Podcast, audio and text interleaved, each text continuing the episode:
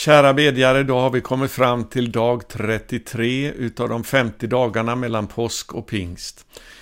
Jag upplever för min egen del hur bönens ande börjar gripa tag i mig eh, allt mer under de här dagarna och jag hoppas att det också är den erfarenhet som du gör som är med nu i den här bönen fram till pingst om en ny andeutgjutelse över våra länder i Norden. Det vi håller på med är ju att be om en väckelse, att den ska komma igen över våra länder. Och jag vill eh, börja med att läsa ifrån Johannes evangelium, det är kapitel 16, och sedan berätta lite grann om min personliga erfarenhet utav väckelse och vad det är vi beder om. Det står så här eh, ifrån vers 7. Men jag säger er sanningen, det är bäst för er att jag går bort. Ty om jag inte går bort kommer inte hjälparen till er. Men när jag går bort ska jag sända honom till er, och när han kommer skall han överbevisa världen om synd och rättfärdighet och dom. Om synd, ty de tror inte på mig. Om rättfärdighet, ty jag går till Fadern och ni ser mig inte längre om dom, ty denna världens förste är dömd.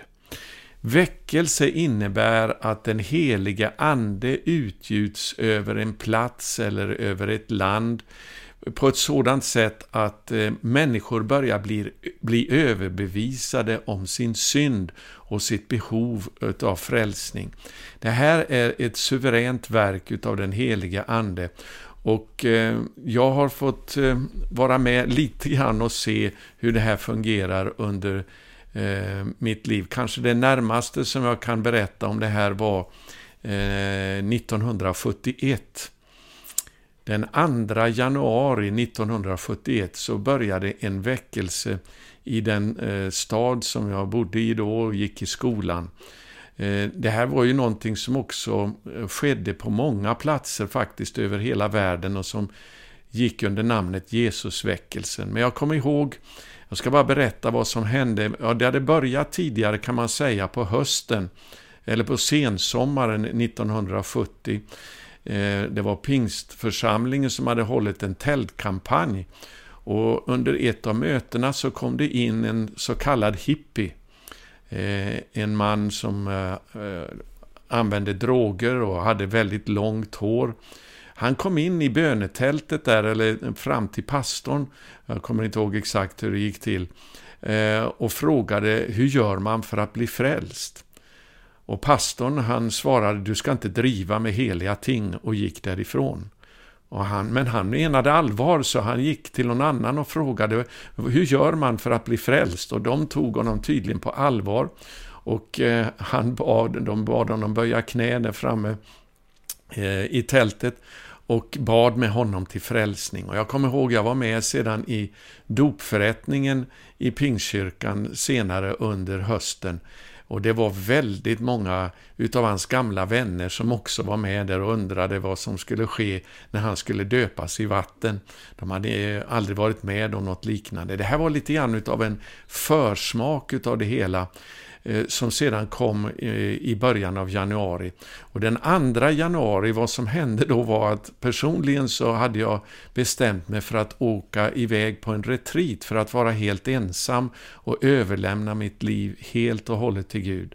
Det här var sista året för mig i gymnasiet och jag visste inte riktigt vad jag skulle göra när skolan var över och därför bestämde jag mig för att eh, eh jag ville söka Guds vilja och Eh, överlåta mig helt och hållet till honom.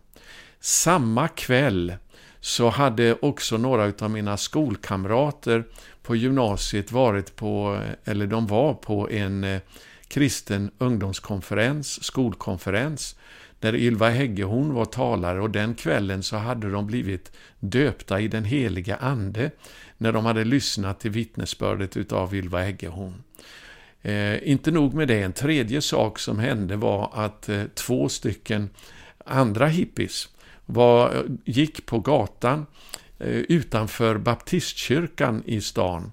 Och där pågick en eh, evangelisationskampanj. Och de här var faktiskt, eh, de var höga på narkotika, men när de gick utanför kyrkan så sa den ena till den andra, ska vi gå in och kolla vad det är som pågår i kyrkan här? Så de gick in och just när de kom in i kyrkan så gjorde man en inbjudan till frälsning. Och de tittade på varandra och sa kom så går vi fram och ser vad som händer här.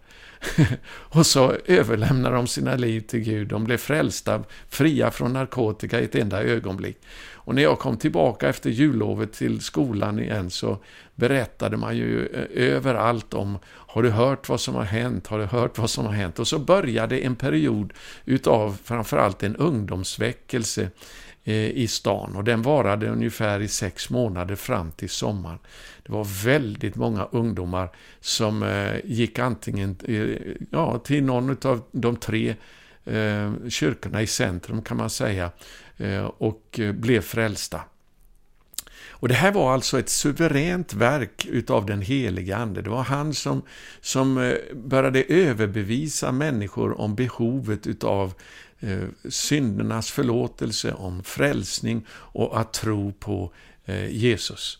Så det här var en, en, ett exempel kan man säga på en väckelse. Och så har det varit i tidigare eh, skeden utav historien, i församlingens historia, att det har funnits perioder då den helige Ande har börjat att söka människor och, och de har blivit Eh, medvetna om sitt behov av frälsning.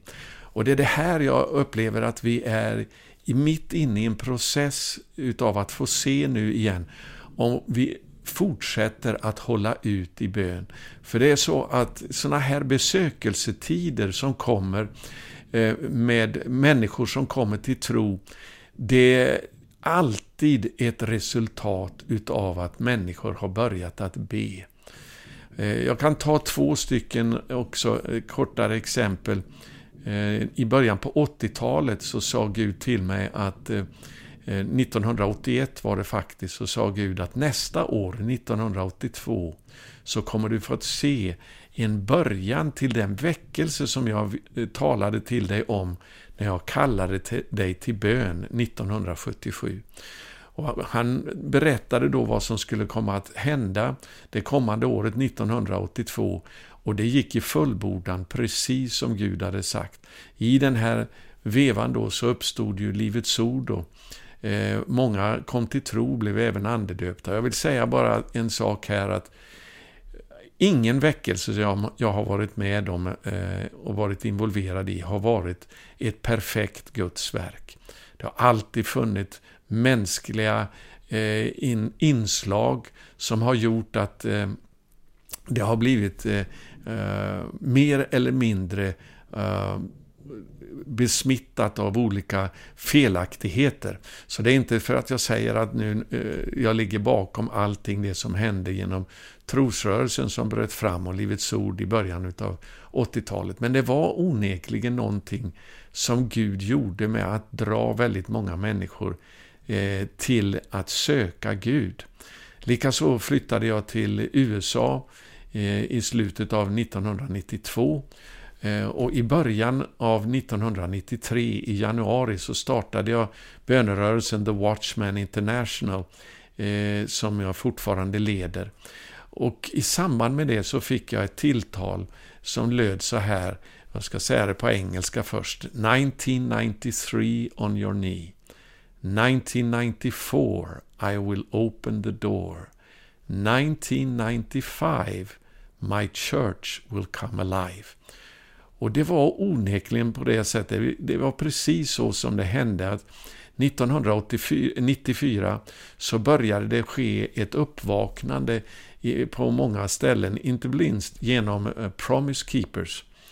Och de slog igenom sedan 1995. Det blev också en stark rörelse på flera utav universiteten i USA. Men det som fick mest uppmärksamhet var den så kallade Pensacola-väckelsen som bröt ut på Fars dag i juni 1995.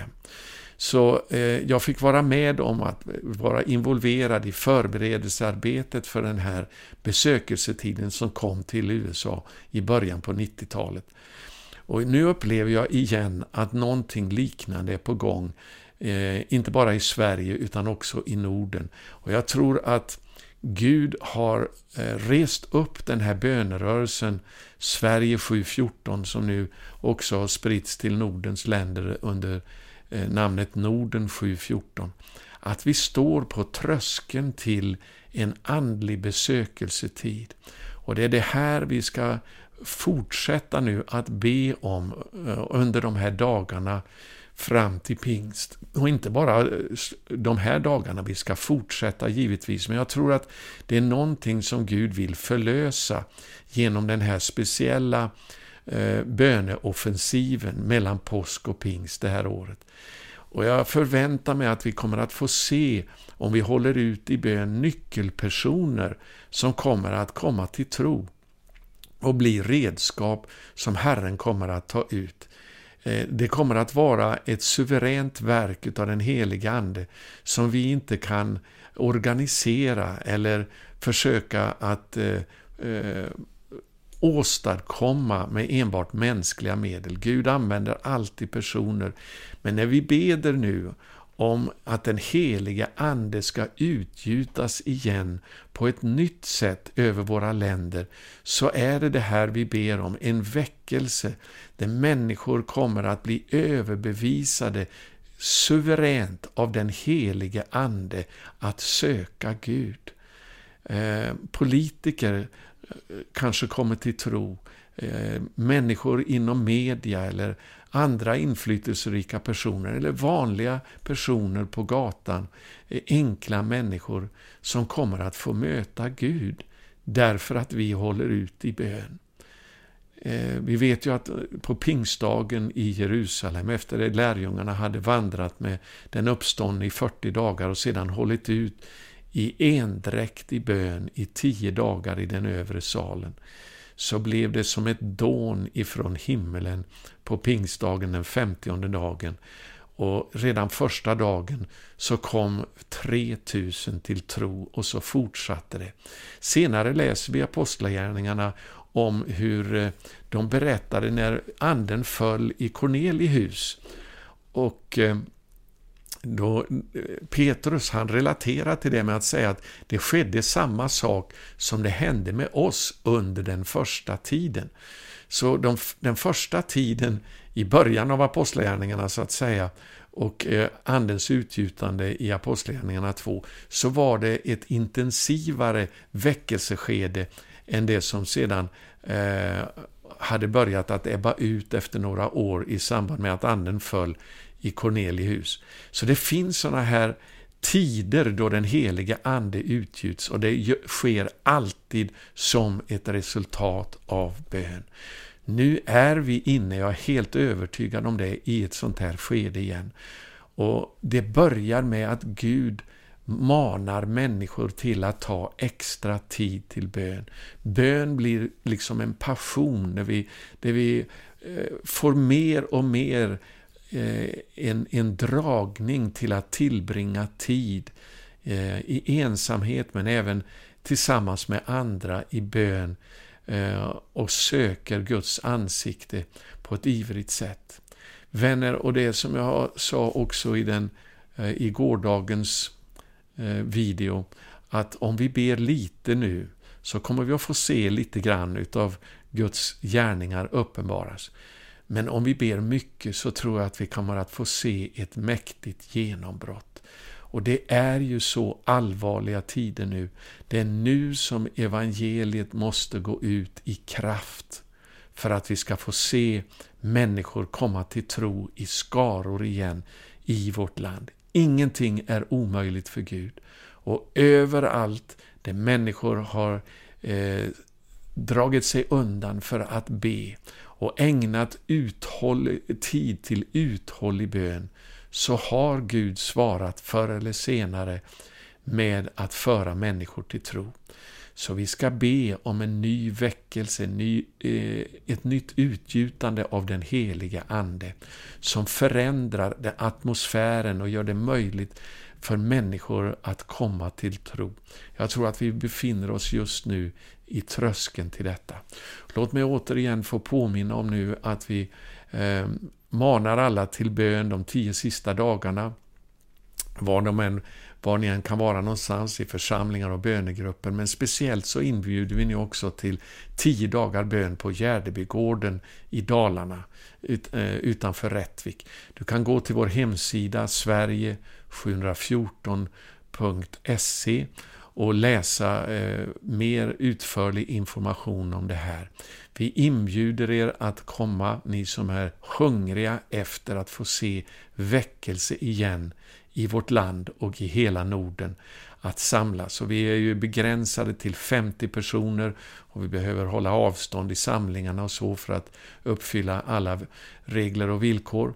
Men 50 personer kan vi ta emot eh, åt gången. Så anmäl dig redan nu och välkommen till Gärdebygården. Eh, vi, vi eh, har som tema Herre, gör det igen. Vi ska ropa till Gud att himlen ska öppna sig över oss och människor ska komma till tro igen i skaror i våra länder i Norden. Herre, gör det igen. Azusa Street 2020 på Gärdebygården. Välkommen att vara med. Låt oss be tillsammans. Kära himmelske Far, jag tackar dig för att du har eh, kallat oss till den här bönetjänsten inför ditt ansikte, för vi är i ett sånt desperat behov utav mer utav dig. Herre, vi kommer inte att klara oss utan att du uppfyller oss med din heliga Ande på ett nytt sätt. Att du utgjuter din Ande så att människor kommer till tro och att under och tecken börjar ske igen. Ja, vi vill uthålligt be. Psalm 67, Fortsätt att be om att din frälsning ska bli känd ibland alla hedna folk och speciellt i Nordens länder som du har lovat och talat om genom dina profeter. Herre, nu är det tid för dig att handla därför situationen är så allvarlig. Och jag beder om eh, uthållighet bland alla bedjare. Jag ber att du utgjuter bönens ande över oss på ett mäktigare sätt. Trons ande kommer i verksamhet till att be till dess att vi får se en väckelse igen i våra länder. I Jesu välsignade namn. Amen. Gud välsigna dig. Vi fortsätter i bönen fram till pingst.